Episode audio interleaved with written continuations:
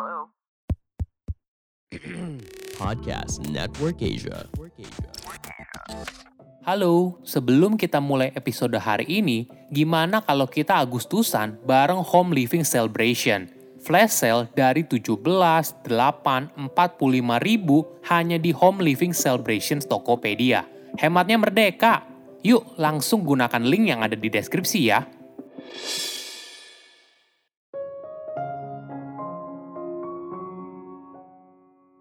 Semua orang bisa jadi miliarder apabila mereka tahu caranya bagaimana. Halo semuanya, nama saya Michael. Selamat datang di podcast saya, Sikutu Buku. Kali ini saya akan bahas buku Everyday Millionaires karya Chris Hogan. Sebagai informasi, podcast Sikutu Buku sekarang bergabung dengan Podcast Network Asia dan Podmetrics loh. Sebelum kita mulai, buat kalian yang mau support podcast ini agar terus berkarya, Caranya gampang banget. Kalian cukup klik follow. Dukungan kalian membantu banget supaya kita bisa rutin posting dan bersama-sama belajar di podcast ini. Buku ini membahas cara orang biasa untuk jadi miliarder.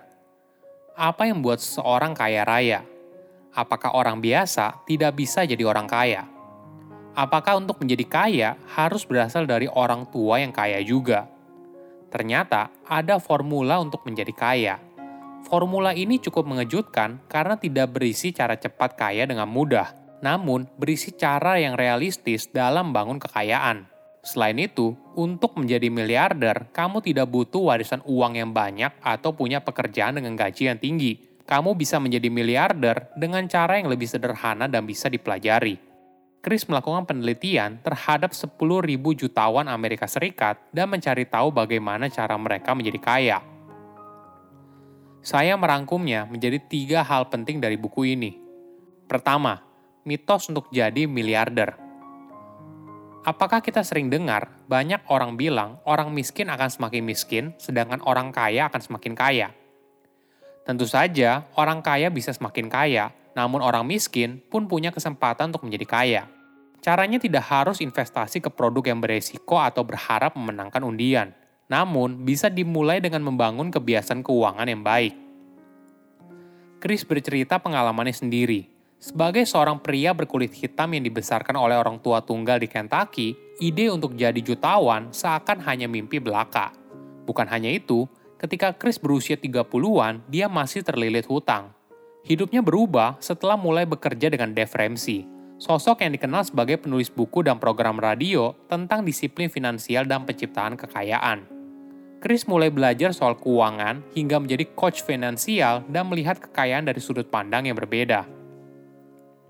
Ketika banyak orang bilang mimpi yang kamu miliki tidak mungkin dicapai, cara terbaik adalah membuktikan sebaliknya.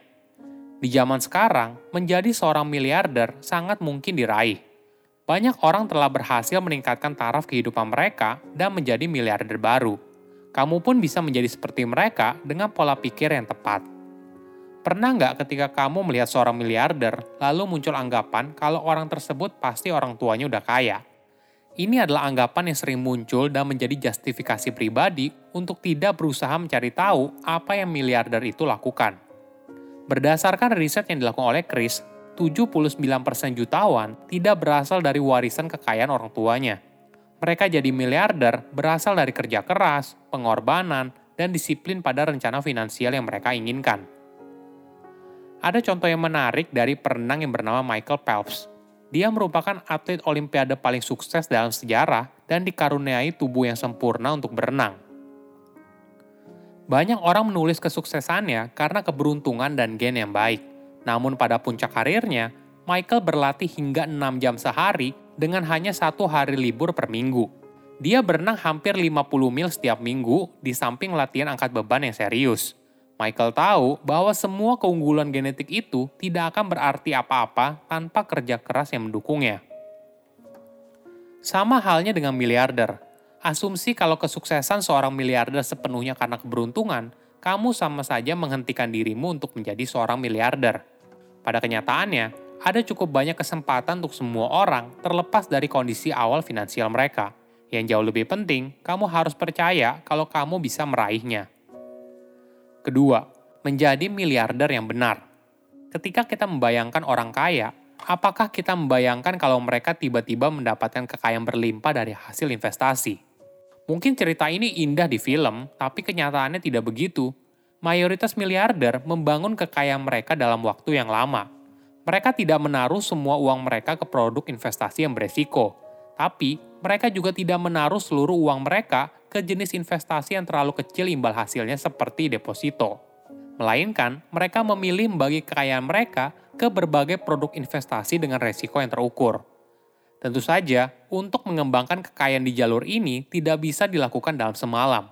Para miliarder sadar kalau kekayaan ini harus dibangun dalam periode yang cukup panjang. Sebagai gambaran, 95% jutawan menghabiskan waktu 10 tahun untuk sampai ke titik mereka sekarang. Menariknya, rata-rata jutawan di Amerika Serikat umurnya 49 tahun. Ini kenyataan yang harus dipahami apabila kamu ingin membangun kekayaan. Tentu saja, di era media sosial, kita sering lihat anak muda jadi miliarder di bawah umur 30 tahun. Namun, kenyataannya justru berbeda. Ada pertanyaan yang menarik. Apakah seseorang harus bekerja dengan gaji besar untuk jadi miliarder? Ternyata tidak selalu Riset yang dilakukan oleh Chris menunjukkan hanya sepertiga dari total jutawan punya penghasilan 100 ribu dolar per tahun, sedangkan sisanya tidak. Uniknya lagi, guru merupakan salah satu pekerjaan yang cukup banyak dimiliki oleh para jutawan di Amerika Serikat. Hal ini menunjukkan kalau seorang miliarder ternyata adalah orang dengan pekerjaan biasa. Namun yang membedakan mereka dengan rekan profesinya yang lain adalah bagaimana cara mereka mengelola uang. Ketiga, Cara jadi miliarder. Kunci utama seorang miliarder adalah dia paham kalau dirinya bertanggung jawab atas kondisi keuangannya sendiri. Alih-alih menyalahkan faktor eksternal seperti kondisi ekonomi, perubahan tren pasar, dan sebagainya. Para miliarder yakin kalau diri mereka mampu mengubah hidup yang mereka jalani. Bagaimana cara kamu tahu kalau dirimu seorang miliarder atau bukan? Caranya yaitu total dari semua yang kamu miliki, termasuk rumah, kendaraan pribadi, investasi, tabungan, dan harta lainnya, dikurangi total kewajiban atau hutang. Sisanya merupakan kekayaan bersih yang kamu miliki.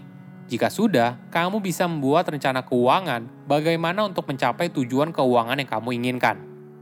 Kunci sukses lain yaitu para miliarder mengontrol keuangan mereka dengan baik riset membuktikan 94% miliarder selalu menjaga pengeluaran mereka lebih rendah daripada pendapatan. Selain itu, 95% dari mereka selalu menjadikan tabungan sebagai prioritas utama. Para miliarder secara disiplin juga membuat budget keuangan. Mungkin banyak anggapan kalau hidup dengan budget artinya kita tidak bebas. Namun, coba lihat dari perspektif yang berbeda. Budget bukanlah seperti sebuah sangkar, namun sebuah alat yang bisa membantu kamu untuk mengontrol keuanganmu sendiri. Jika kamu menyadari hal ini, maka kamu dapat menjalani hidup yang lebih baik dan membuat keputusan keuangan yang tepat. Perlu diingat, perjalanan membangun kekayaan tidak berada dalam periode yang singkat. Para miliarder butuh konsistensi untuk membangun kekayaan. Tentu saja, kadang kita tergoda untuk menghabiskan uang yang kita miliki untuk kegiatan lain yang menyenangkan Itulah pentingnya kita harus punya dua jenis tujuan keuangan, jangka pendek dan jangka panjang. Jangka pendek misalnya menabung untuk liburan ke luar negeri, sedangkan jangka panjang misalnya melunasi hutang KPR rumah atau tabungan pensiun. Semua orang bisa jadi miliarder asalkan punya pandangan yang tepat soal uang. Hidup secukupnya dan disiplin menuju tujuan keuangan yang diinginkan. Saya undur diri, jangan lupa follow podcast Sikutu Buku. Bye-bye. Pandangan dan opini yang disampaikan oleh kreator podcast, host, dan tamu tidak mencerminkan kebijakan resmi dan bagian dari podcast Network Asia. Setiap konten yang disampaikan mereka di dalam podcast adalah opini mereka sendiri dan tidak bermaksud untuk merugikan agama, grup etnik, perkumpulan, organisasi, perusahaan, perorangan, atau siapa pun dan apa pun.